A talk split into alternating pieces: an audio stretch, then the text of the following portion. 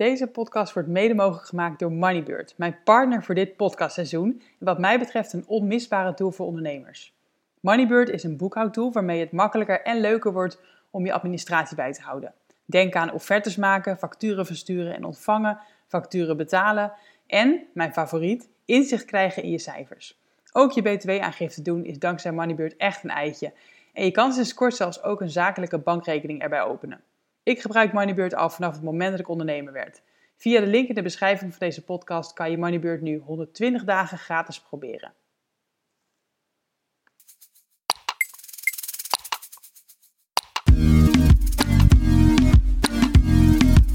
Super tof dat je luistert. Welkom bij een nieuwe aflevering van de Vrije Meid podcast. Mijn naam is Susanne van Duin en ik help jou naar een vrij leven. In deze podcast leer je meer over online ondernemen, persoonlijke ontwikkeling en financiële vrijheid. Benieuwd hoe ik je verder kan helpen? Stuur me vooral een berichtje. Veel luisterplezier vandaag.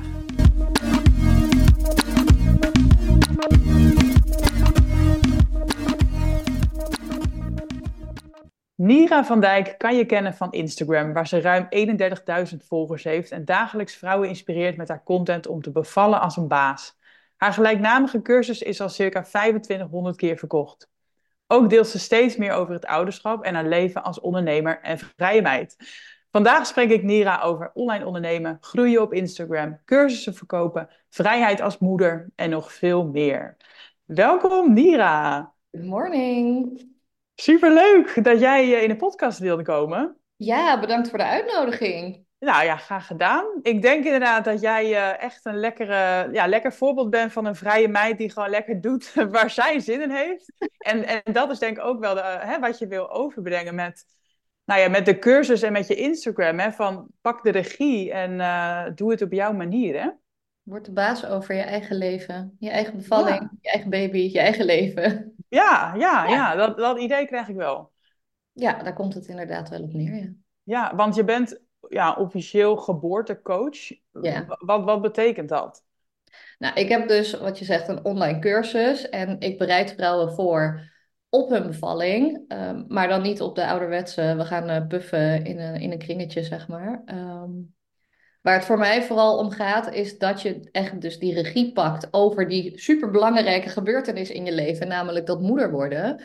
En uh, daarin ook echt je eigen keuzes kunt maken. Dus ik geef heel veel informatie. We werken natuurlijk aan een heel stuk mindset. Hè, van um, geen onnodige angsten hebben, vertrouwen in jezelf. Regie pakken over hè, dit is jouw beleving. Jij mag kiezen wat er wel of niet gaat gebeuren. En daar hoort natuurlijk, als je zelf keuzes wilt kunnen maken, moet je een heleboel kennis ook hebben. Dus ik geef ook gewoon heel veel feiten van wat, wat kun je nou allemaal tegenkomen in zo'n bevalling en hoe vaak gebeurt iets, hoe vaak gebeurt het niet, wat zijn je opties als het gebeurt, hoe maak je keuzes voor ja. jezelf. Want het zijn best pittige dingen soms om keuzes over te maken en je wilt ook niet als een soort van kip zonder kop denken van nou, uh, ik heb hier geen zin in, tabé. Uh, doe je, ik werk niet meer mee. En vervolgens dat er iets heel verschrikkelijks gebeurt met jou of je baby, dat wil je ook niet. Dus hoe vind je de balans tussen wat wil ik en wat is verstandig om te doen? En daarin dus met name dat stukje echt zelfregie voelen. Dus ook dat als je bevalling bijvoorbeeld niet gaat zoals je het van tevoren misschien bedacht had en je, uh, je thuisbevalling gaat niet door, je gaat wel naar het ziekenhuis, dat je er nog steeds een goed gevoel aan kunt overhouden, omdat je ook begrijpt waarom gemaakt. Als je echt achter bepaalde keuzes kunt staan die je maakt, nog steeds niet je ideale favoriete optie zijn. Maar dan sta je al heel anders in de wedstrijd dan als je het gevoel hebt dat alles je overkomen is en dat anderen voor jou de keuzes hebben gemaakt. Ja, want dat is een beetje de, de bron van deze cursus toch ook, dat, dat inderdaad heel veel vrouwen uh, geen fijne ervaring hebben. Ja, of misschien niet eens. Hè? Uh, er is ook nog een heel groot grijs gebied tussen. Je hebt een traumatische bevalling en je hebt de droombevalling. Dat zijn de twee uitersten. En de meeste vrouwen zitten daar ergens tussenin. Um, en ik denk dat daar heel veel ruimte voor gevoelsmatige verbetering is. Dat je ook als dat dus niet die droombevalling werd, er toch met een goed gevoel op kunt terugkijken. En kunt denken van nou, ik heb alles gedaan wat ik kon doen om het de allerbeste ervaring te maken. En het was mijn bevalling. Dat is het vooral. Dat het jouw bevalling en jouw verhaal blijft en niet iets wat andere mensen hebben overgenomen en waar jij een soort van leidend voorwerp uh, ja, want dat is wel. Uh, ben je het leidend voorwerp met de lange ei of ben je het leidend voorwerp met de korte ei? Ja, ja, dat is wel ook het idee wat ik krijg van veel mensen om me heen. Dat het zo is van, hè, het is een arts, dus luister daar maar naar. Ja, dat ook. En soms is dat heel verstandig. Hè? Ik, zeg ook gewoon tegen mijn cursisten: als je het echt niet weet, of het gaat je pet te boven, het is te ingewikkeld, of je blijft twijfelen, je durft de keuze niet te maken. Het is ook gewoon oké om te denken: yo, dokter, ik vertrouw jou, ik ga gewoon doen wat jij zegt. Dat mag ook. Ehm, maar ook heel erg het beeld dat heerst, is dat je als vrouw soort van overgeleverd bent aan alles wat het, al dat geweld dat er met je gebeurt, het natuurgeweld, uh, wat, wat de dokter wil, het systeem. En dat jij een soort van heel hulpeloos dat allemaal maar leidzaam moet ondergaan. En, en daar zit heel veel ruimte in voor vrouwen om gewoon die regie te voelen en niet dat hulpeloze slachtoffer te zijn van hun bevalling, maar zelf te kiezen. Ja. En waarom, wanneer, hoe kwam je erachter dat je geboortecoach wilde worden? Ik denk niet dat ik daar ooit achter gekomen ben. Dit is, dit is echt gewoon per ongeluk gebeurd. Ik vond het, nou, ik, ik was natuurlijk zelf bevallen en dan, ik, nou, ik kwam achter het een en ander van, hé, je hebt, oh, je hebt keuzevrijheid. Nou, dat was voor mij ook, was echt zo'n moment van, hoe bedoel je, ik mag zelf kiezen, waar heb je het over? En toen was bij mij een soort van de interesse gewekt in alles. En dat ging ik delen op Insta. En dat is natuurlijk vet awkward in het begin, want je hebt 80 volgers en dat zijn uh, je, je familie, je vrienden, je collega's. Maar ik ging het toch doen en ik ben dat ook blijven doen. En op een gegeven moment ga je dan groeien. En gaan mensen je vragen stellen en wordt het steeds meer en meer en meer. En toen ergens zei iemand ooit tegen me: waarom maak jij niet een cursus? Oh, dus je was al echt heel veel erover aan het delen zonder. Ik was al heel veel erover aan het delen. En toen was er nog helemaal geen cursus. En toen op een gegeven moment zei iemand dus, waarom maak je geen cursus?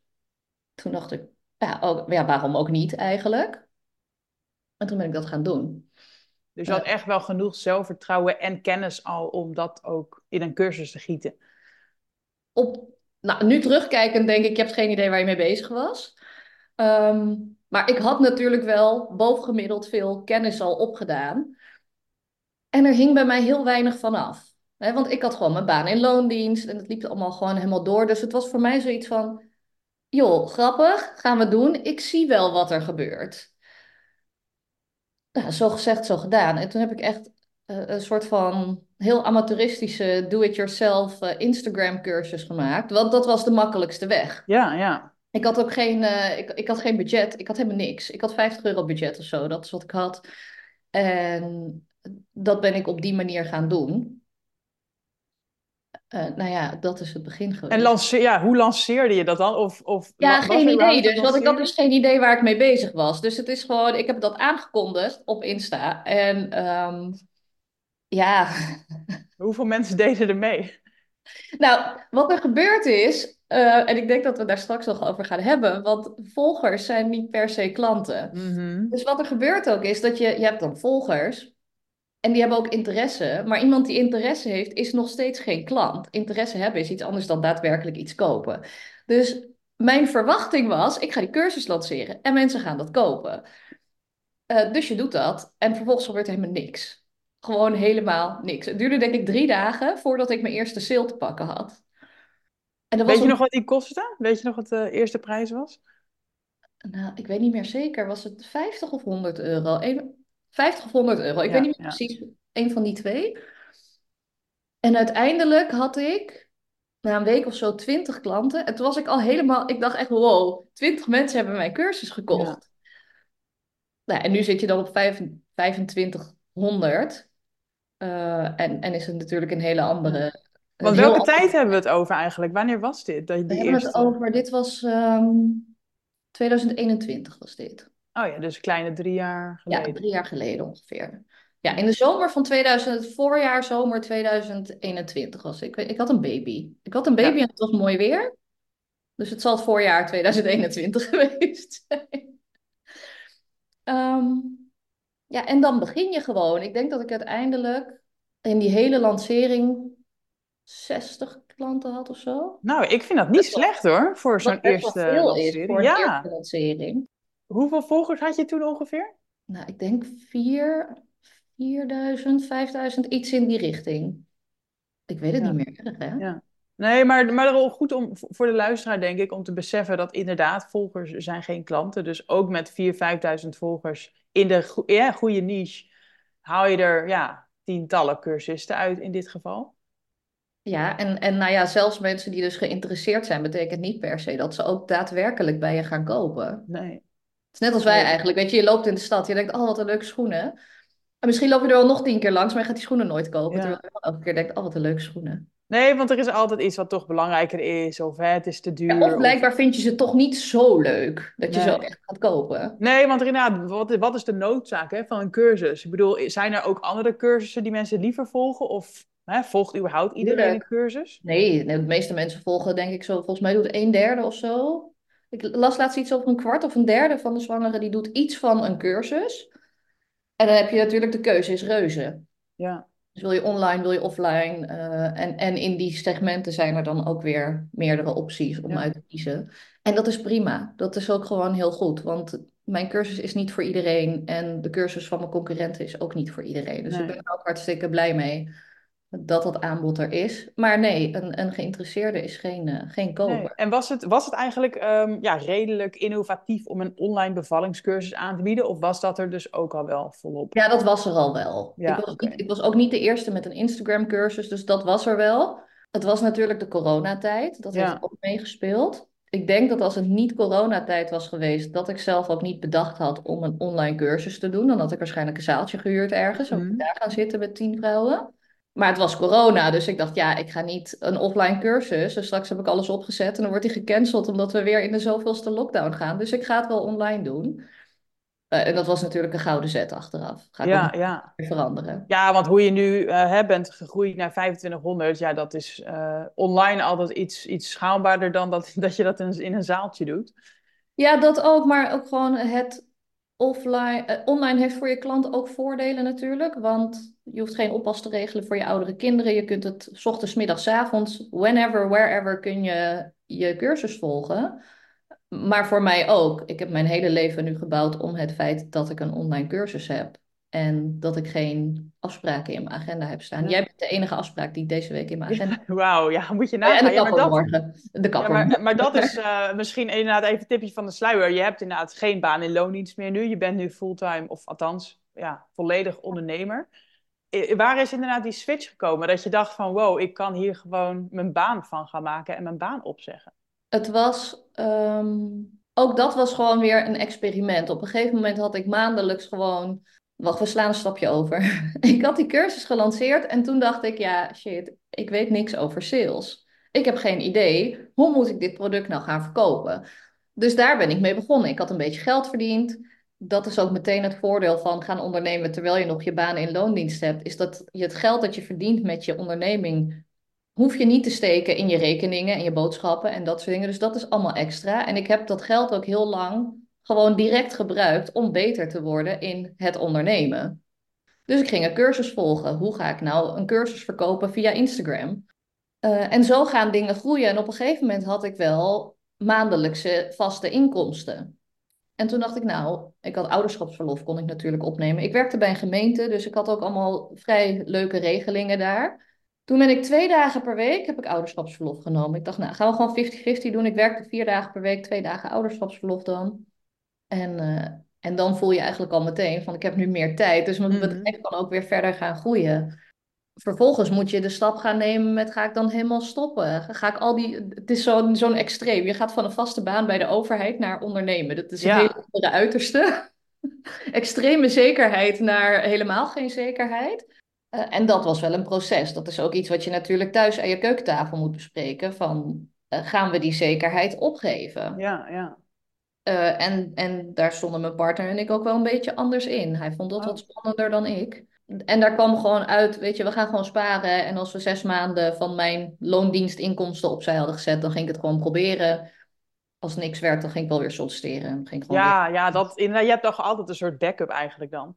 Ja, je hebt een backup. Je hebt, weet je, je hebt, eh, ik, ik heb diploma's, ik heb werkervaring. Dus ik kon altijd wel weer terug. Sterker nog, ik denk dat ik nu ook gewoon weer terug kan. Als het nodig zou zijn of Ja. als ik het zou willen. Ja, en dan ga je het gewoon doen. En hoe meer tijd je voor je onderneming hebt, hoe beter je onderneming ook wordt. Ja, Dus maar dat is het ook. Mensen wachten totdat ze een soort van fulltime verdienen om de keuze te maken. Maar je gaat vaak pas fulltime verdienen als je ook echt die tijd kan maken. Hè? Ja, dus je moet ergens wel het vertrouwen hebben van ga ik dit kunnen omzetten in fulltime inkomsten. Ja. En wat gaf dan jouw vertrouwen? Hoeveel inkomen had je dan op dat moment al met die twee dagen per week dat je eraan had? Nou ja, ik werkte er meer aan dan twee dagen per week. Ik was wel in die periode heb ik wel echt 80 uur per week gewerkt. Oh ja. Je hebt je loondienst, je hebt je, je onderneming. Ik heb in dat jaar wel echt heel veel gewerkt. Ik heb nooit uren bijgehouden, maar echt elk moment van, dat ik niet bezig was met loondienst of kinderen, was ik met mijn bedrijf aan het werk. En op een gegeven moment moet je gewoon zeggen, ja, je hebt nu zoveel maanden in ieder geval de inkomsten die je nodig hebt gedraaid, als niet meer. En dan moet je, het, je er komt een punt dat je het gewoon moet gaan proberen. Als je gaat zitten wachten op het perfecte moment, dat komt niet. Dus je moet gewoon springen. En, zo, en dat was 2022 of zo dan? Eh, ja, dat was in 2000, voorjaar 2022. Maar het ging Ah. vrij snel, want ik heb in december toen besloten van ik ga minder werken, die twee dagen per week. Mhm.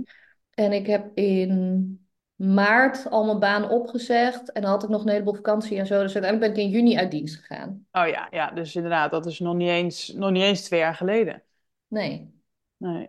Wauw, en inderdaad, ho- hoe ben je inmiddels gegroeid? Kan je kort, kort ons meenemen daarin? Nou ja, je hebt meer tijd, je leert steeds meer. Dus hè, die cursus die is weggegaan van Instagram, die zit nu in zo'n digitale leeromgeving. Je wordt ook steeds beter in dingen. Ehm, je gaat processen ontwikkelen, systemen, routines. Eh, ik, heb ik, ik huur nu mensen in. Weet je, ik heb een, een VA, ik heb een technisch VA, ik heb mensen die eh, werken aan mijn website als het nodig is. Ik heb zelfs iemand die op inhoud nu voor me werkt. Eh, Oh. die, de Zooms met mijn cursisten doet. En die ook mij kan overnemen als ik vakantie heb of als ik ziek word of dat soort dingen. Dus je gaat dan echt groeien. Ja, ja. En ook inderdaad qua eh, nou ja, aantal cursisten natuurlijk. En ook de prijs is, neem ik aan, een beetje verhoogd. Ja, ja, we zitten nu op 2,47. Ja. En inderdaad, eh 2500 cursisten, 31.000 volgers. Je bent gewoon een influencer aan het worden. Ja, dat gebeurt dan. Ja, ja grappig. Mooi. En, en ook ja, super tof natuurlijk. Ik bedoel, van tevoren denk je nou van nou, als ik genoeg kan verdienen met mijn eigen bedrijf, hè, hoe leuk. Nou, niet Maar eens dat. Toen ik begon, dacht ik van, oh, misschien kan ik dan een paar honderd euro per maand bijverdienen. Gewoon voor de leuk, zeg maar. Ja, Eh, Dat is hoe het begon. En nu heb je gewoon een eh, meer dan fulltime inkomen ervan. ja. En nu is, eh, nu is je man wel blij, of niet? ja, ja, ja. Mijn man die is in, die werkt inmiddels ook niet meer in loondienst. Oh, door, heeft hij ook door jou dan eh, de keus kunnen maken of durven maken? Ja, het helpt wel natuurlijk. Ja. Kijk, überhaupt, ehm, wij kunnen, wij hebben heel veel keuzes gemaakt, waardoor we nu ook gewoon op één inkomen kunnen rondkomen. Dus we, wij wonen gewoon nog in ons oude middenwoningje. We hebben gewoon nog onze oude auto uit 2012. En dat helpt natuurlijk ook dat hij op een gegeven moment kon zeggen van nou, ik stop er gewoon mee. Want zijn werk paste totaal niet bij het leven zoals wij het voor ons zagen. Hij moest gewoon om half acht de deur uit en hij was om half zeven 's avonds terug. Nou ja, Geen flexibiliteit, gewoon niks, weet je. Je kind is ziek en dan heb je gewoon een probleem. ja, En al die dingen, dat ging ons steeds meer tegenstaan eigenlijk. Waardoor ik op een gegeven moment zei wel van ja, we moeten nu wel wat gaan veranderen. Ja, dan heb jij vrijheid gecreëerd, maar hij kan eigenlijk niet meedoen. Nee, precies. En dat is jammer, want dan haal je er eigenlijk niet uit wat je eruit wilt halen. Dus hij is gestopt, hij is ook voor zichzelf begonnen. Hij doet eh, webdesign en nog wat andere dingen. En ehm, we hebben nu echt wel ons leven zo ingericht dat we helemaal flexibel zijn. De kinderen gaan twee dagen per week naar de opvang. Eh, want die dan fulltime met je kinderen en ondernemen, eh, nee. Maar we brengen ze wel vijf dagen per week samen weg, bijvoorbeeld. Ja, oh ja. Eh, en als er eentje ziek is of studiedag heeft, wat dan ook, is allemaal geen probleem. Als er iets is, weet je, als je, je gaat straks merken als je zo naar school gaat. eh, die houden daar totaal geen rekening mee dat de ouders werk hebben. Of zo. Ze houden er wel rekening mee. Mijn school is heel chill wat dat betreft. Hè. Ze doen dat echt heel goed. Maar die kinderen hebben gewoon school van half negen tot half drie. En als er iets is, is dat onder schooltijd. En je kind vindt het ook leuk als je komt kijken. Dus als er kijkmiddag is, dat ze hun werkjes kunnen laten zien en zo. Je kind is vet blij als jij kunt komen kijken. En het leuke aan ondernemen is dat je dat dus ook gewoon kunt doen. Ja, Dat je gewoon kunt zeggen, oké, het is mijn werkdag, maar ik kom gewoon om 12 uur om eventjes naar jouw werkjes te kijken. Daarna ga ik weer terug naar kantoor. Dat kan allemaal. En dat, dat is gewoon, dat is heel kneuterig misschien, maar dat is wel heel leuk. Ja, maar ja, je hebt nu wel dan het beste van beide. En ik denk dat veel mensen hier echt eh, voor zouden willen tekenen. Maar niet bereid zijn om het werk dan wel het risico te nemen. Dat weet ik. Ja, nou, het risico nemen is natuurlijk ook één ding. Ik denk ook dat heel veel mensen zichzelf heel erg onderschatten. Kijk, als je dit drie jaar geleden tegen mij had gezegd, had ik gedacht, ja, waar heb, weet je, dat gaat me nooit lukken of zo. Nee, nee, nee. Dus Je groeit daar ook wel in. En dat je dat hele vaste stramien van haasten 's ochtends met je kinderen. Weet je, vroeger stond ik om half acht met twee kleine kinderen bij het kinderdagverblijf. En dan had je daarna de stress van, oh shit, er staat file en ik kom te laat. En op de terugweg weer hetzelfde. Dat je eigenlijk al zat te denken van, ja, kan ik wat eerder weg? Of, eh, ja, weet je, voel je weer schuldig naar je collega's, want je gaat altijd al eerder weg. Want jij met je kinderen moet altijd Ja. weg. Of ze hebben weer wat, oh, jouw kind is weer ziek, jij bent er weer niet. Dat geeft allemaal stress. Maar als je niet anders gewend bent, dan is dat ook de norm. Ja. En pas als je eruit bent, dan ga je pas voelen hoeveel stress je toen eigenlijk had. Die Ja, nu dat was ook mijn grootste angst. Ik hoorde dit wel eens van mensen in loondienst. En dan dacht ik echt van, nou, als ik een kind krijg, dan wil ik dus niet deze sneltrein hebben in de ochtend en de middag. Ja, en, en je schaft het wel, weet je, je regelt het allemaal wel. En het heeft ook voordelen natuurlijk, want bijvoorbeeld als je zelf ziek wordt, je loon wordt gewoon doorbetaald. Dat heeft ook voordelen. Ja. Ook met kinderen, het geeft natuurlijk financieel ook wel rust, want je hebt gewoon die financiële stabiliteit. Je mag even wegvallen, je kunt wegvallen zonder dat er gelijk financieel eh, een stop komt. Maar dat gehaast de hele tijd, ik ben zo blij dat we daar vanaf zijn. En hoe, hoe is jouw, ehm, jouw inkomen nu elke maand? Is het zeg maar de ene maand heel hoog en dan heel laag? Of heb je best wel een stabiele inkomstenbron? Nou, er zit wel een soort van ondergrens, een soort van stabiele ondergrens, die ook voldoende is voor ons om gewoon ons leventje te draaien, zonder al te gekke dingen te doen. En dan is er, eh, er zijn natuurlijk uitschieters. Januari is bijvoorbeeld altijd een hele goede maand. Mensen zijn veranderd van zorgverzekering, ze hebben gewacht op januari. Dan gaan ze je cursus kopen. Ik merk ook dat als ik op reis ben, dan ben je gewoon wat minder bezig met verkopen en dan verkoop je ook gewoon wat minder. Dat is Ja. ook de realiteit. Op het moment dat jij stopt met sales, stoppen voor een groot deel je sales ook gewoon. Ja, ja, logisch. Ja, precies. Want is jouw cursus altijd te koop of werk je met soort lanceringen? Nee, mijn cursus is altijd te koop. Maar ook dan merk je, als jij niet verkoopt, dan verkoop je niet, letterlijk. Ja. Eh, en dan is het de enkeling die drie maanden geleden al besloten heeft, ook ga die cursus doen, maar het is nu te vroeg, die kopen dan wel. Maar je moet er wel zijn in je bedrijf. Ja. Ik ben niet onmisbaar in dit bedrijf. En, en wat is dan jouw verkoopstrategie? Want als het altijd te koop is, ja, je kan, je kan ook niet elke dag soort van een, een harde promo doen. Of wel? Ik ben benieuwd. Nou, Volgens mij doe ik dat wel bijna elke dag. Ja? Verkoop je ook bijna elke het dag wel? niet- Het hoeft niet hard, harde promo te zijn. zeg Maar je hebt promo en je hebt promo. Dus ik doe wel bijna elke dag sales. Mhm. Maar niet, eh, niet keihard natuurlijk. Als je alleen maar gaat verkopen, dan denken mensen op een gegeven moment: ja, dag, eh, hier heb ik geen zin meer in. Ja. Nee, ik, ik bedoel, ik volg jou ook al, al lang en ook graag. En ik, ik zie je elke dag inderdaad. Je bent bij mij top of mind. Ehm, maar het is niet dat ik heel vaak je cursus zie. Het is meer dat jij gewoon heel veel kennis deelt en jezelf laat zien qua persoonlijkheid. En dat, Dus Suzanne, je moet eens opletten de komende week. Ik verkoop bijna elke dag. oh, nou dan doe je het heel subtiel. Ik doe het heel subtiel, maar dat moet ook. Als je elke dag harde sales gaat doen, dan ben je gewoon irritant. Dan ben je gewoon Ja. vervelend. Ja. En wat, wat is voor jou dan de balans? Of heb jij een soort contentkalender of doe je alles op gevoel? Nee, ik heb wel, eh, ik heb wel een contentkalender. Ik plan vooruit. Vroeger deed ik dat een maand vooruit. Ging ik echt de eerste en de tweede van iedere maand, de eerste twee werkdagen, ging zitten om content te maken. Dat vond ik op een gegeven moment niet meer zo leuk. Maar dat was ook weer, ik wil die, ik wil die vrije agenda hebben. En dan had ik geen vrije agenda meer, want ik moest twee dagen moest ik alleen maar content maken. En halverwege de tweede dag was ik het spuug zat, had ik er geen zin meer in. Dus ik doe het nu één keer per week. Vrijdagmiddag is contentmaakmoment, zeg maar.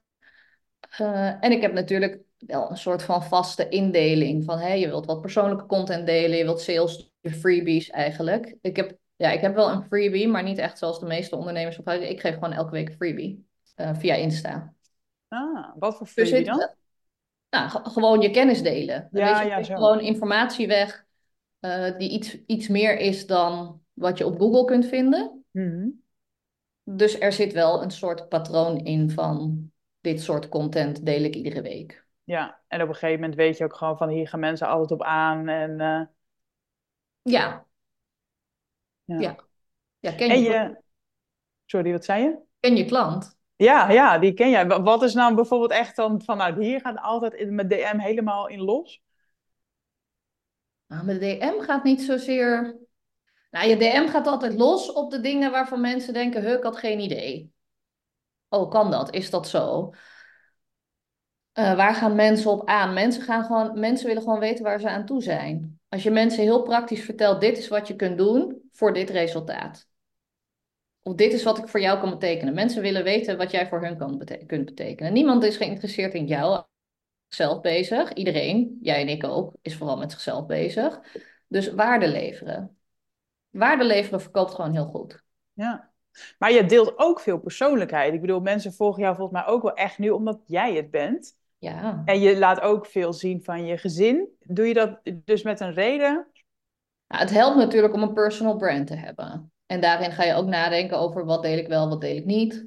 Insta voor jezelf ook een beetje leuk te houden. Het moet ook leuk blijven. Als Insta alleen maar werk is, dan, eh, dan ga je gewoon verveeld zijn met je eigen Insta. Ja, want je deelt inderdaad ook veel eh, tegenwoordig over het ouderschap en over inderdaad, nou ja, wat je met je kinderen doet en hoe je met ze eet. Eh, is dat een opwarmer voor een nieuwe cursus of vind je dat Zeker. gewoon leuk? Ja? Zeker. Nou ja, maar ook dit is weer een soort van ontstaan vanzelf, zeg maar. Ik vind het leuk om te delen. Ik merkte ook dat andere, met name moeders, want 99% van mijn volgers is vrouw. eh, moeders dat, dat heel fijn vinden om gewoon een heel praktisch kijk te hebben met hoe gaat het nou in iemand anders keuken, letterlijk. En dan vind ik ook altijd leuk om bij andere mensen te zien van hé, hey, hoe pak jij de dingen aan en wat kan ik daarvan oppikken? En vanzelf volgt er dan, maar ook vanuit mijn eigen klanten, de vraag van hé, hey, uh, ga je nog een keer iets maken voor moeders? Want ik ben nu moeder en ik ben bevallen als een baas, maar nu uh, gaat er opeens een hele nieuwe wereld voor me open. En hoe ga ik deze wereld dan navigeren? Uh, dus, dus ja, dat komt eraan op zeer korte termijn. Leuk, maar ook, en ook slim, want um, hè, de, de, hoe zeg je dat? De, hoe langer iemand klant blijft, hoe meer je aan mensen ook kan verdienen. Maar bij jou inderdaad, iemand is bevallen en dan, ja, dan komen ze in principe niet meer terug.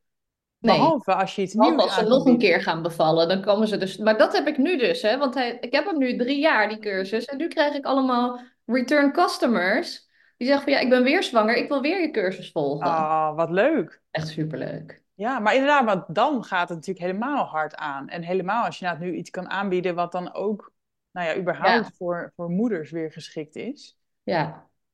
Want gaat dat dan over hè, moeder zijn als een baas? Of waar moet ik aan denken? Nou ja, daar komt het wel een beetje op neer natuurlijk. Dat gaat Ja. over, je hebt een heel nieuw leven als moeder. En heel veel vrouwen komen ook in een soort, nou, ik wil bij- ja, identiteitscrisis bijna. Van wie ben ik nou in Mhm. deze rol in mijn leven? En het is best een heftige verandering, want alles staat opeens in het teken van iemand anders. En niks is meer hetzelfde eigenlijk als het was voordat je moeder werd. En wie wil je dan zijn? Hoe wil je je leven gaan inrichten in, in deze nieuwe persoon die je bent geworden? Plus dat ze natuurlijk te maken krijgen met veranderingen in hun relatie, veranderingen in hun ambities, eh, gedoe met familie, onzekerheid, schuldgevoel. Je, je kent het al, weet je? Ja, ja. allemaal. Het is zo'n groot iets, dat moeder worden. Ehm, dus daar ga ik echt iets voor maken. Van, hoe deal je nou met je schuldgevoel? Hoe ga je systemen en routines in je leven implementeren, waardoor je tijd en ruimte overhoudt om nog iets meer te zijn dan alleen maar een werknemer en een moeder. En als je klaar bent met al die dingen, dan moet je ook nog iemand zijn vrouw zijn. En Ja. waar blijft de ruimte voor jou? Ja, herkenbaar hoor. Ik heb laatst ook een podcast opgenomen hierover met Kim van Wering, ook over vrijheid als moeder. Ja, En hoe je inderdaad, niet zozeer van hoe kan ik nog dingen met vriendinnen doen, maar überhaupt inderdaad, hoe kan je nog jezelf zijn? Of wie is, wie is die Wie ben ik nou eigenlijk? En- Ja, ja, heel herkenbaar hoor. En ook, dat gaat ook weer over dus je, je eigen pad bewandelen en eh, af en toe voor jezelf kiezen. Je bent zoveel meer nog steeds dan moeder. ja, en regie nemen, maar ook hoe nodig het is om voor jezelf ook soms te kiezen. En dat soms het voor jezelf kiezen in plaats van iets voor je kinderen bijvoorbeeld doen, voor je gezin doen, is soms het meest liefdevolle wat je voor je gezin kunt doen, omdat je er daarna weer bent Ja. met aandacht en plezier. En als je alleen maar van jezelf aan het geven bent, maar je beleeft er geen plezier meer aan, wat hebben die mensen daar eigenlijk aan? Voor wie je dat allemaal doet. Ja, nee, ja, ik, eh, ik herken hem helemaal. Ik denk het ook vaak, dan breng ik hem weg en dan moet hij dus nu tegenwoordig huilen. En dan voel ik me dus echt heel lullig. Maar dan denk ik, ja, als ik nu fulltime thuis blijf, word ik ook echt niet een leuke mens. Dus in die end is hij erbij gebaat dat ik eh, wat tijd voor mezelf eh, pak. Ja, absoluut. En ja, de kachel moet ook roken, weet je. Ja, ik moet nou eenmaal ook gewoon werken. Maar dat is het dus. En je kunt je vet schuldig gaan voelen naar je kind dat je kind naar een kinderopvang moet. Maar in sommige gevallen is het letterlijk, je kind wil ook een dak boven zijn hoofd en het heeft eten nodig. En misschien wil je een studiepotje aanleggen voor later, want geen idee of er studiefinanciering gaat zijn over 15 Ja. jaar als mijn kind gaat studeren. Ja, Er zijn meer dingen die je kind van je nodig heeft dan alleen maar boekjes lezen en knuffelen. Het zou Ja. wel leuk zijn als dat... ja. Nou ja, moet. ik, ik, ik weet wel, het is gewoon niks voor mij om fulltime eh, thuis te zijn. Dat weet ik, eh, dat weet ik nu heel zeker. Dus ik, ik voel me vaak ook helemaal niet schuldig hoor, omdat ik gewoon helemaal wel de juiste balans heb gevonden. Maar ja, heel af en toe komt er wel zo'n klein. eh, Het blijft gewoon, je moet ja. meester worden in het jong leren van verschillende rollen die je hebt. Ja. ja, dat is het hè. Dat blijft een uitdaging. Vind ik nog steeds. Ik ben inmiddels zes jaar moeder. Ik vind nog steeds soms dat ik denk van, oké, wie moet ik, wie moet ik nou, waar moet ik nou prioriteit aan gaan geven? Ja. Nou, en over het studiepotje. Ik ehm, beleg dus de kinderbijslag. En ik heb uitgerekend dat dat met een redelijk rendement, dat dat toch wel 30, 40k gaat zijn als hij 18 is. Ja. Dus dat is eh, geregeld. Maar goed, dan, dan heb ik dus wel de financiële vrijheid om dat ook te doen. Want sommige mensen hebben misschien die kinderbijslag gewoon echt nu nodig. Doe jij dat ook? Ja, we hebben heel lang, wij hadden altijd vanaf hun geboorte al, en nou ja, dan moet je dus die financiële ruimte ook hebben. En die hadden wij altijd al. We hebben de kinderbijslag eerst gespaard van allebei de kinderen. En dan dachten we, als je dat opspaart, dan heb je al best een leuk bedrag. Wat Volgens je... mij ook al 18.000 of zo. Ja, dan komt, je komt rond de 1000 euro per jaar uit Ja. dat je een kinderbijslag krijgt per kind. Nou, dan hebben ze al een leuk bedrag. In ieder geval veel meer dan ik of mijn man allebei, allebei ooit meegekregen hebben. Ehm, maar wij hebben besloten om dat geld te gaan beleggen. Ja, ja, precies. Wat wij heel spannend vonden, want je gaat, het, kind- het- je gaat risico's nemen met het geld van je kinderen. Dat vonden wij echt wel een heel ding. Ja. Terwijl je 18 jaar hebt, weet je wel. Het is best wel lange termijn. Ja, precies. Dus we hebben het toch gedaan. Wel in een vrij zekere belegging. Weet je, ik, ga, ik heb geen, eh, ik heb geen vage. eh, Crypto's. wat- ik, ben het woord, ik ben het woord kwijt. Geen vage crypto gekocht. Nee, precies. Je neemt... je- precies, neemt een ander soort risico. degelijke belegging waarvan je ook historisch gezien kunt zeggen van nou, de kans dat, dat dit een goede belegging gaat zijn is echt vrij groot. Ja, Dus dat hebben wij ook gedaan. Maar die ruimte moet je inderdaad wel hebben. ja, ja. En verder, hè, want nou, jij verdient nu volgens mij dus meer geld dan in loondienst. Dus Zeker. je hebt, je hebt meer te besteden. Je bent niet gaan spenden. Je, je hebt geen ander huis genomen, geen andere auto. Een Je, beetje gaan spenden natuurlijk. ja? Je mag het ook wel voelen. Ik heb ook ja, waar hou jij die een balans die op een gegeven tussen... moment tegen mij heeft gezegd van ja, maar jij moet jezelf soms gaan trakteren, want jij moet het voelen wat je doet. Ehm, maar we zijn niet, nou we zijn in de, ja, ik had, ik had ook een BMW kunnen kopen als ik dat had gewild. Maar ik niet gedaan. Ik krijg gewoon nog in mijn oude Volkswagentje van eh, uit 2012 dus. Ja, dus waar is voor jou die balans tussen echt wel genieten van het geld wat je hebt, maar, maar ook slimme keuzes maken en, en investeren? Nou, die balans is voor ons, je doet dat samen natuurlijk, is voor ons altijd de vraag, voegt het echt geluk toe in ons leven? En een nieuwe auto, het is leuk om te hebben, maar het voegt geen levensgeluk voor ons toe. Een groter huis ook niet. Ehm, de vakanties bijvoorbeeld wel. Dus we hebben een heel, we hebben een heel goed vakantiebudget. Eh, beleggingen, daar kom je ook in als je ondernemer bent. Je kunt leuk denken van, hè, stel je had 2500 euro netto inkomen per maand vroeger. Dan kun je wel 2500 euro winst overhouden nu, maar het is niet hetzelfde als 2500 euro loon. Want in je loon zit ook hè, geld verwerkt voor als je ziek zou worden, voor je pensioen, eh, voor je vakantie. Dat ging allemaal door en dat is nu niet. Dus 2500 euro is nu niet hetzelfde als toen. Nee, je moet er een hele hoop zelf van, do- van Je doen. moet nog een hele hoop zelf doen. Dus je hebt eigenlijk ook niet genoeg aan 2500 euro winst. Want je moet nog veel meer gaan doen daarvan. Dus een aanzienlijk deel van mijn inkomsten gaat in de beleggingen zitten. Want dat is mijn potje voor als ik ziek zou worden. Dat is mijn pensioen later. En uiteindelijk is dat ook voor mijn kinderen. Als, als wij Ja. straks overlijden, is dat ook voor je kinderen. Dus daar gaat, en, maar da- daarin ook weer niet het, het beleggen is niet het doel op zichzelf. Nee, middel. We beleggen met hele concrete doelen. We beleggen zodat we hopelijk voor ons zeventigste ooit met pensioen kunnen. En gewoon geld hebben om ook leuke dingen te doen met die vrijheid die je hebt Ja. Je kunt wel vrijheid hebben, maar als je geen geld hebt, dan zit je thuis de hele dag tv te kijken. Heb je ook niks aan, Nee. vind ik. Ehm, dus nou, geld uitgeven voor een beter leven, dat is het eigenlijk. Ja. En soms, soms is dat dus ook dat ik nu naar de dure kapper ga in plaats van naar de kapper om de hoek. Ja, inderdaad. Het is, het is balans. Hè? Ik hou er wel van. Ik, ik ben ook, ik ben niet een fire-aanhanger dat ik inderdaad elke dubbeltje omdraai Nee. om maar zoveel mogelijk en zo snel mogelijk financieel vrij te worden. Maar inderdaad, alles uitgeven, ja, daar bouw je dus ook niks mee op. En inderdaad, los nog van financieel vrij worden, moet je gewoon dat pensioen regelen. En dat is, eh, dat aan zich is al een enorm bedrag.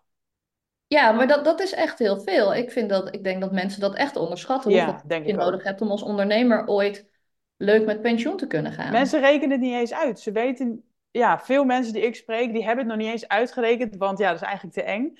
Dus hè, dan leggen ze 100 euro in een potje elke maand. Maar denk ik, meid, je gaat Kom je er niet mee? bij lange na niet. Nee, maar ik vind het, ik heb het dus wel uitgerekend. Ik ben met jou toen op die dag geweest. Ja, ja, op de live dag van Wij Johan zijn en samen bij die live dag geweest. Toen heb ik het uitgerekend.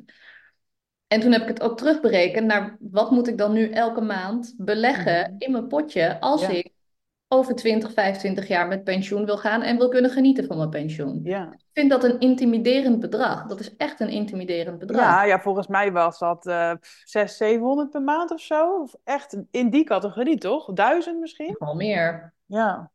En Afhankelijk natuurlijk van, van hoe royaal jij wil leven. En ik heb een big goal gezet. Mhm. Eh, wat dus ook de ruimte geeft, het mag ook minder zijn.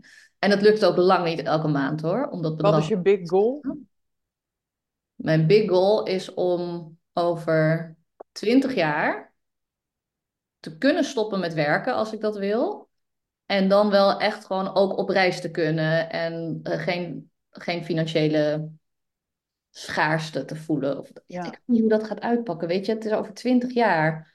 Geen idee wat de inflatie gaat doen. Überhaupt, wat Nee. gebeurt er met ons leven in de komende 20 jaar? Hetzelfde geldt dat we straks de derde wereldoorlog aan onze broek Ja. hangen. En ziet het leven er compleet anders uit. Misschien ben ik over 20 jaar dood. Dat weet ik ook niet. Nee, ik vind dat ook altijd zo lastig. Want inderdaad, dan heb je je hele leven alles weggezet en dan geniet je er überhaupt niet meer van. Maar ja, Dus daarom is het je dus die balans. En ik vind het niet erg om te bezuinigen op mijn boodschappen bijvoorbeeld. Ehm, nou, het is ook niet zo dat we heel erg beknibbelen op de boodschappen, maar we, we hebben wel een boodschappenbudget en daar probeer je ook binnen te blijven. Ja, precies. Het is niet dat je Ehm. elke dag pizza haalt of zo. Mijn kinderen lopen niet rond in merkkleding. Nee. Ik vaak ook niet. Maar ik koop bijvoorbeeld wel voor mezelf een goede dure winterjas. Ja. En hey, eh, beleggen, doe jij dat zelfstandig, zeg maar? Of, of stop je alles in een soort fonds? Nee, ik doe dat in een, ik, doe, ik, ik koop fondsenbeleggingen, maar ik doe het wel zelf. Ja, Ik precies. Nee, nee, inderdaad. Gewoon echt bij de Giro of zo. Bitcoin. Bitcoin is gewoon, mijn grootste spijt in mijn leven is dat ik niet tien jaar geleden Ja. Bitcoin heb gekocht. Ja, ik ook. God, hè? Iedere dan, keer als eh, iemand vraagt welk advies zou je je eigen 18-jarige zelf geven, denk ik alleen maar koop Bitcoin.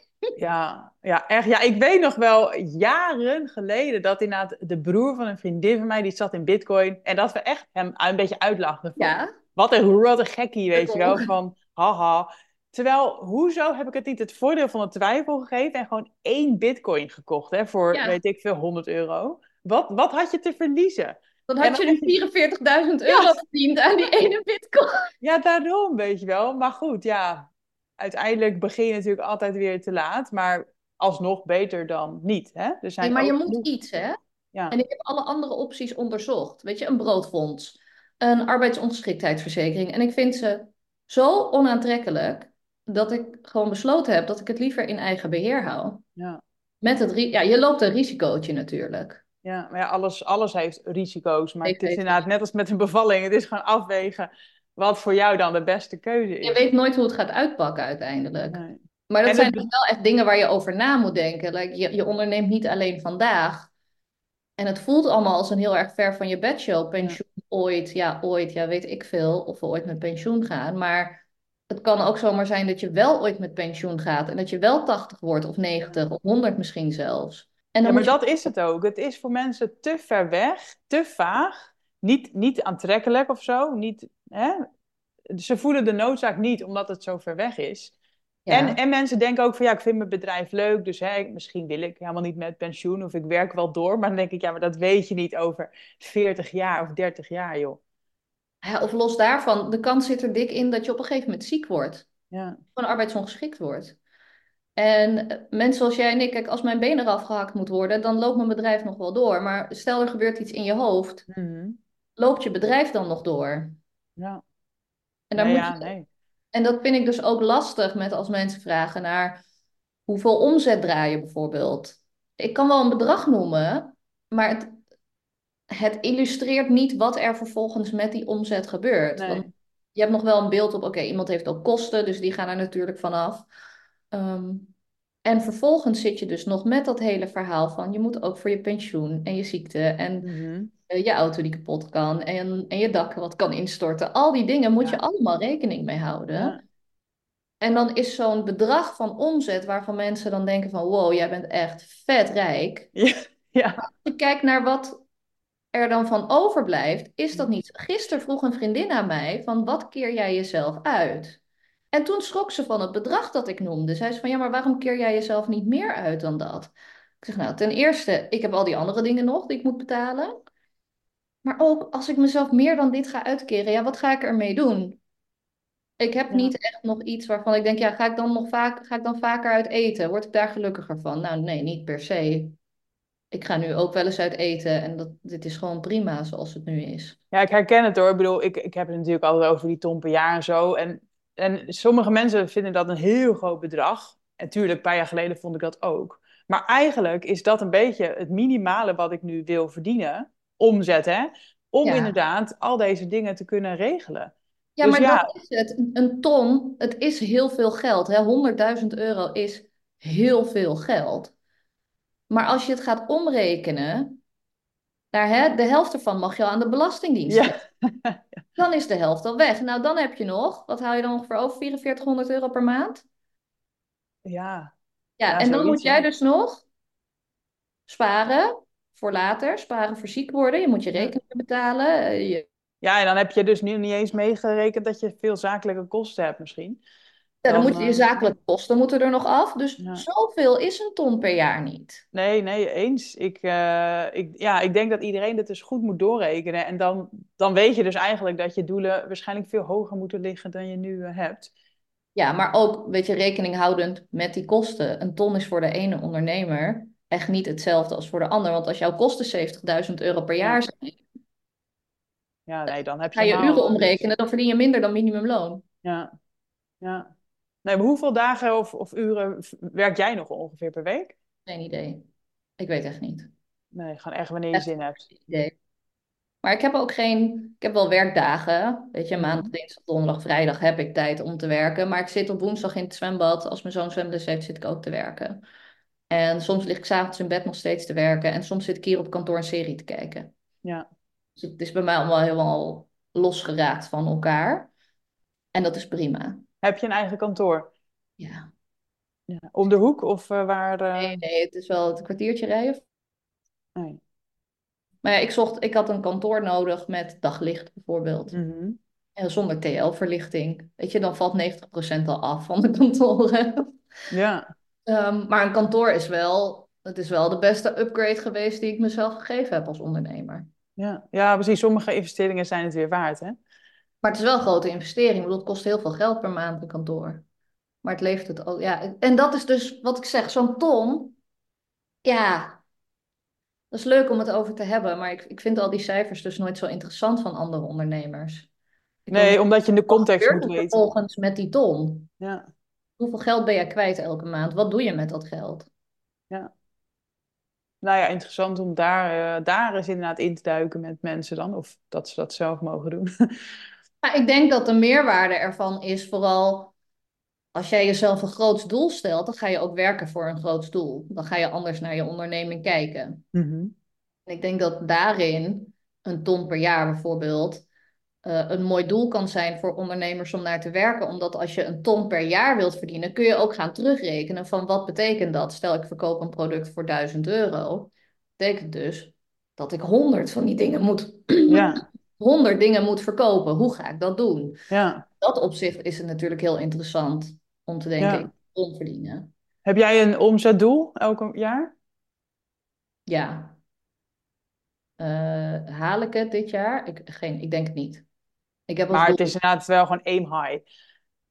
ja, het helpt me om terug te rekenen. Het, het helpt me ook om bijvoorbeeld een jaarplanning te maken. Ik heb dit jaar voor het eerst een jaarplanning gemaakt. Het is nu half februari. Ik pluk er nu al de vruchten van, omdat ik gewoon weet wat ik moet doen. Ja, En niet in het wilde weg, maar een beetje aan het werken ben en ik zie wel wat er gebeurt. ja. Ja, inderdaad, een doel kan ook... Weet je, je kan een doel stellen omdat je inderdaad ook meer mensen wil helpen. Zoveel cursisten bijvoorbeeld. Of inderdaad omdat je bepaalde beleggingsdoelen hebt die gewoon gehaald moeten worden. En je minder wilt werken bijvoorbeeld. Als je zegt van nou, ik wil geen vier dagen per week werken, ik wil drie dagen per week werken, dan wordt dat het doel. En dan ga je niet kijken naar geld. Dan kun je bijvoorbeeld ook zeggen, ik wil dezelfde omzet als vorig jaar, maar ik wil minder werken. Hoe ga ik dat? Ja, precies. Dat vind ik ook nog wel wat zeggen. Hè? Als je het hebt over die ton. Ja, hoeveel uur werk je ervoor? Ehm, Maar dat dus. Of er zijn misschien ondernemers die 30.000 euro per jaar hebben omgezet, waarvan je dan denkt van, nou, daar kun je niet van rondkomen. Maar die heeft misschien helemaal niks gedaan dit jaar. nee, nee, dat is het knap, ja. Weet je?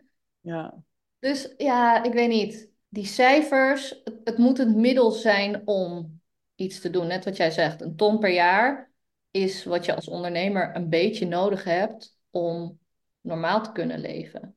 ja. ja dat klinkt Ik ben zo. er heel klinkt... erg van, want een Ja, ton per jaar klinkt zoveel. Maar ja, wat ik zeg, de helft ervan mag je aan de belasting ja, geven. En dan is het opeens niet meer zo heel veel. Ik denk ook een context is bijvoorbeeld, ehm, als jij een partner hebt die hartchirurg is, dan ben je misschien veel flexibeler dan als jij kostwinnaar bent in je gezin.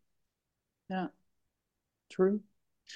Hey, even over reizen, hè? Je bent eh, naar Bali geweest. Wanneer was het? Eind vorig jaar? Ja, in de zomervakantie. Ja, dat is toch ook eh, ja, living the dream. Heb je toen gewerkt op reis of liep, Ja, liep alles door? Hoe, hoe heb je dat precies een gedaan? beetje van beide. Ik heb, eh, content kun je van tevoren maken. Dus dat heb ik voor een deel gedaan. We gingen zes weken, vier weken vooruit content gemaakt. Dus dat had ik in ieder geval gewoon klaarstaan. Dat helpt. Ik heb een vriendin slash werkrelatie, allebei inmiddels. Ehm, die ging mijn Zooms met mijn cursisten doen, want ik zat met tijdverschil en dat was vet onhandig. Maar dat beviel zo goed dat ze dat ook eens blijven doen na mijn vakantie. Dus dat is nu, heb ik nu uitbesteed bij haar. Ik kan haar ook, zoals nu, ik ga vrijdag ga ik op vakantie. En dan mag ik ook gewoon in mijn mail een dingetje zetten van, hey, als je inhoudelijke vragen hebt, mail haar eventjes, dan neemt zij dat gewoon over. Hoe, mag ik daar ook een vraag over stellen? Want ik weet dat veel ondernemers eh, denken dat hun klanten alleen voor hen komen. Veel mensen die denken dat hun klanten echt alleen voor hen komen. Hoe ga jij daar om met dat? Hoe ga jij daarmee om? Nou ja, voor een deel is dat natuurlijk ook wel een beetje zo. Ehm, ik ben wel bereikbaar voor mijn klanten. Dus ze kunnen mij heel laagdrempelig, ze mogen mij gewoon via WhatsApp benaderen. Ehm, ik lees mee in hun appgroepen. Wel een soort van begrensd voor mezelf. Ik ga me niet overal mee bemoeien. Maar als ik iets zie gebeuren waarvan ik denk, hé, hey, hier moet ik even iets zeggen, dan ben ik er, zeg maar. Maar ja, moet je voor alles in je eentje dat doen? Ik denk wel dat mensen voor een deel voor jou komen. En dat als je er helemaal niet bent, dat dat wel een beetje een issue is natuurlijk. Aan de andere kant komen mensen vooral voor het eindresultaat. Ja, Dus als jij de juiste mensen hebt, en ik ga ook niet iedereen mijn Zooms laten doen. Ik heb daar echt heel lang mee zitten worstelen. Ehm, en ik heb dus iemand die ik dat toevertrouw, waarvan ik weet, je zit met mij op één lijn. Eh, je doet dat, ze doet dat op haar eigen manier natuurlijk, maar op inhoud zijn we het heel erg met elkaar eens. Jouw kennisniveau is hetzelfde als op sommige onderwerpen niet beter dan dat van mij, want je bent niet altijd de beste in alles. Dus als je dan iemand hebt gevonden, dan, dan is, ben je gewoon hashtag blessed ja, in dit ja, geval. ja, die mensen die moet je vasthouden. Ja, maar je bent ook niet. Kijk, niemand is zo speciaal dat je, dat je echt de enige bent die iets kan doen. Dus zij doet dat hartstikke goed. Zij vindt dat leuk. Mijn cursisten vinden het leuk. Ik vind het leuk. Iedereen blij. Je krijgt nooit een rare opmerking van een cursist van, oh, maar ik dacht dat jij dit zou doen. Nee, maar ik ben er ook wel open over. Ik heb Ja, op, oké. op Insta zeg, laat ik het ook wel eens vallen. Van weet je, Marjolein doet de Zooms. Dat doe ik niet zelf. eh, als Marjolein niet zou kunnen of eh, ze heeft er opeens geen zin meer in, ja, dan ga ik het wel weer zelf doen. Ja, ja precies. Ja. Maar dat geeft mij dus wel die, eh, die, die lege agenda. Ja, ja, ja. Mooi. He- Heb jij verder bepaalde plannen, dromen, wensen voor komende tijd in je business of daarbuiten? Ja, ik wil dus die moederschapscursus gaan lanceren, eh, waarvan de eerste module al klaar staat. Ik moet alleen even nog wat technische dingen, die moeten eventjes eh, beter geregeld worden. Misschien dat ik eind dit jaar nog een soort businesscursus online gooi. Ik weet Oh. niet. Het zit in mijn hoofd. Ik denk dat ik het ga doen. Ik denk ook dat ik het kan. Ehm, Ondernemen als een baas. zoiets. Er is wel al een boek eh, dat zo heet, maar ik weet niet of dat Ja, daarom, ik er is een boek inderdaad. Volgens mij zelfs een cursus ergens gere- gerelateerd aan dat boek. Ik weet niet zo. Ah, oké. Maar ik weet ondertussen natuurlijk best wel wat. Ja, ja, ik wou zeggen, ik denk dat veel mensen wel van jou wat willen leren over eh, zichtbaar zijn en, en cursussen verkopen en, en uitbesteden, dat soort dingen. Ja, uitbesteden moet ik zelf ook nog even wat in leren. Maar dat onderschatten mensen ook van ondernemerschap. Dat je misschien goed bent in je product maken, maar dat je product en ondernemer zijn zijn echt twee hele verschillende dingen. En dat ondernemer zijn, dat moet je dan weer helemaal gaan leren en ontdekken en dat blijf je ook leren. Ja, zelfs nu, mensen zien mij dan als een hele gevestigde ondernemer, maar ik denk soms echt van, oh, wat ben ik een pannenkoek. Ik doe dat echt heel knullig. En dat ik zelfs nu nog heel vaak denk, oh, dus dit moet ik anders gaan doen. En dat blijft echt een hard leerproces. Leren uiteindelijk doen we allemaal maar wat.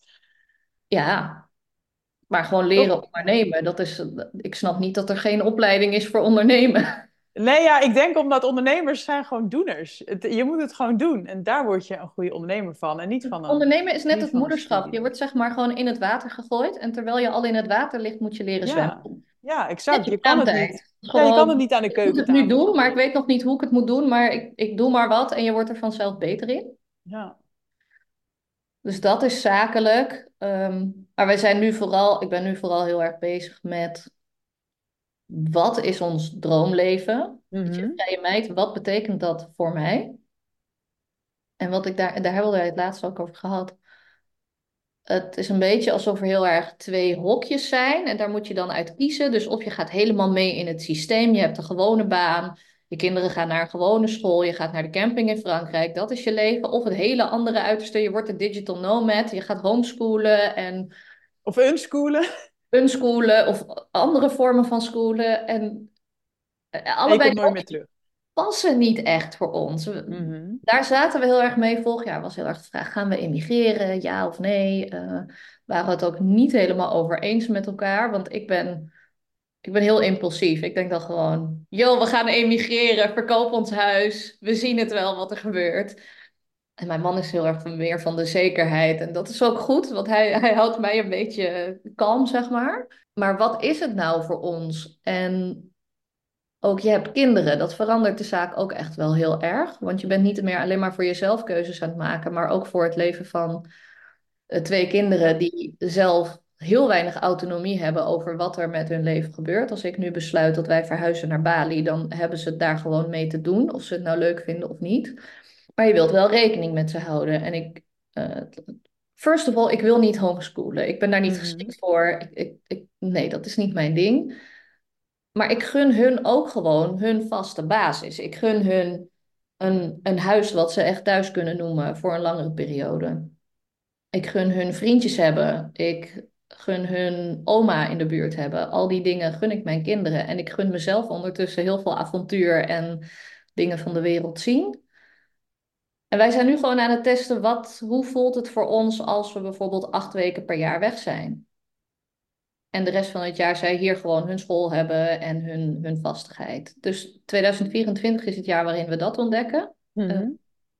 En als iedereen daarin voorzien wordt in zijn behoeften, dan is dat het blijkbaar voor nu voor ons. En hoe, waar, waar gaan jullie heen? Gaan jullie acht weken weg dit jaar? Eh, We hebben er nu zeven gepland staan. Oeh. Eh, Ook geboekt en alles. Dus ik denk dat we het wel gaan redden, die acht. Ja, ja. En het is ook altijd een doel. Hè? Kijk, uiteindelijk vorig jaar was het doel tien weken. Hebben we niet gehaald. We zijn zeven weken weg geweest. Ja, ja. Zeven weken, hallo. ja. Eh, Ja, dus precies, dat is, dat, daar, daar deed je dus een paar jaar geleden deed je daar moord voor en nu doe je dit. Ja, en dat zijn dus ook de keuzes die je maakt. Financieel ook. Want je hebt nou, waar we het net over hadden, al je beleggingen, je grote mensenverantwoordelijkheden, bla bla. Je moet je rekeningen thuis betalen. Je hebt de hypotheek en auto en boodschappen, et cetera, et cetera. En je wilt veel op reis, dus daar worden keuzes gemaakt. Dus we blijven wel in het kleine huis, maar we gaan wel uh, op vakantie. Dus we hebben nu uh, volgende, we gaan vrijdag naar Noorwegen, tien dagen. Van de zomer gaan we naar eerst vier, vijf dagen naar Dubai. En dan vliegen we daarna door naar Vietnam. Vijf weken.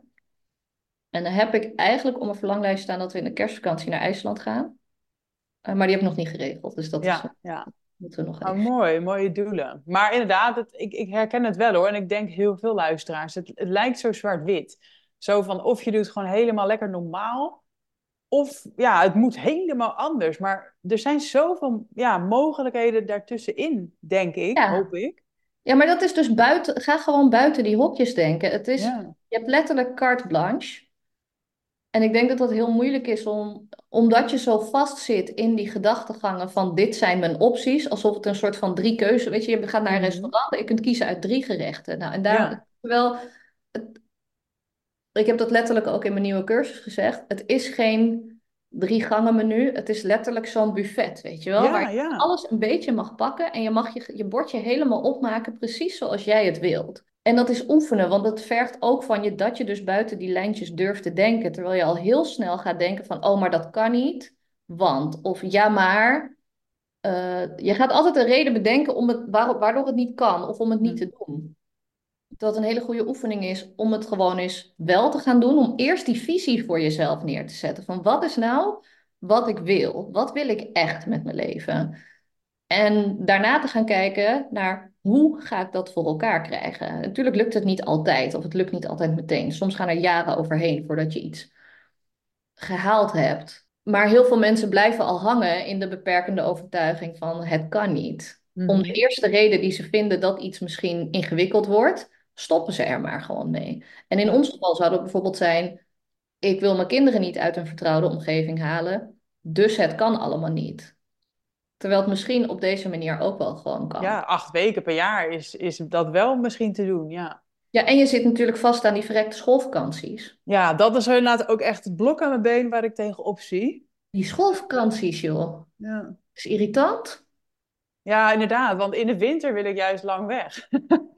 Ja, en dat kan dus niet Nee. meer. Maar, dat, maar dat, daar moet je dan ook gewoon, moet je niet in blijven hangen. Nee, Dat is dus gewoon de manier vinden van waarop kan, hoe kan het wel?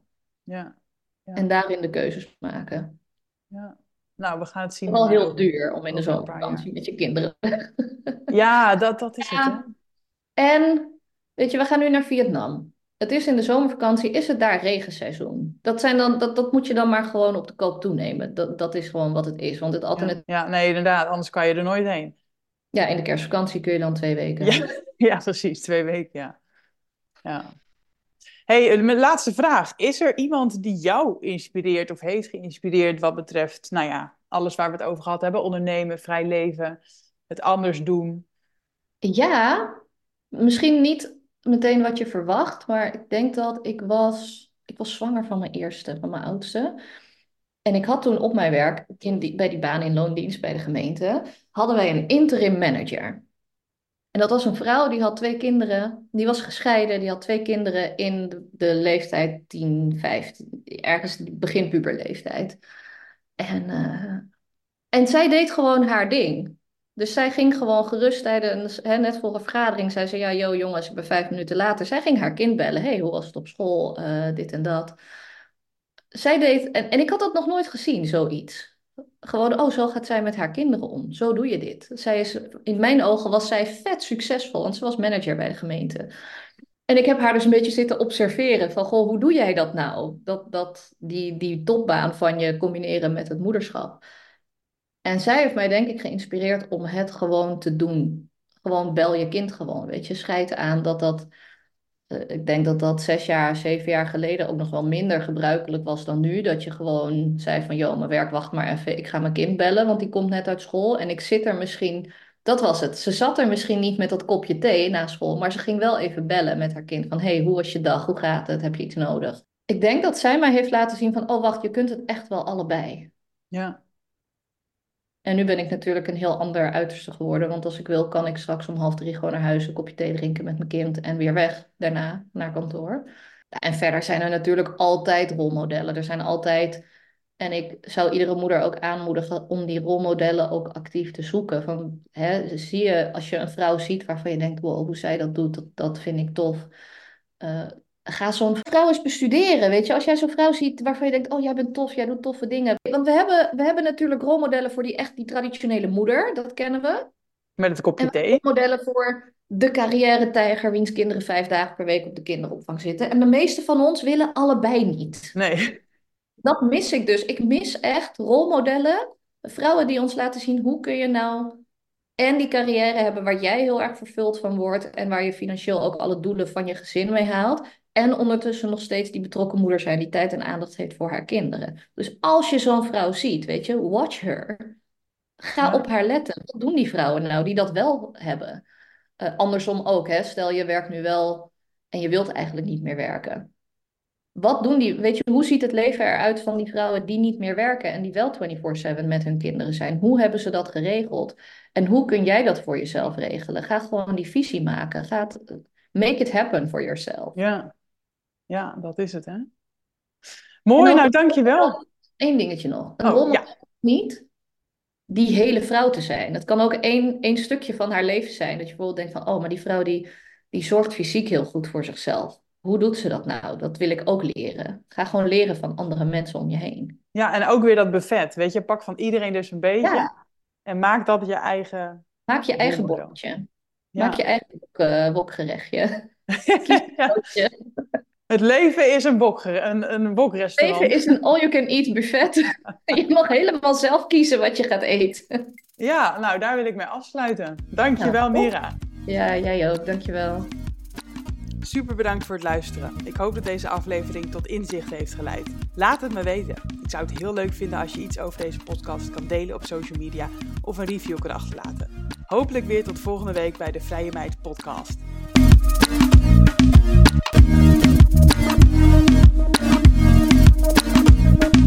Thank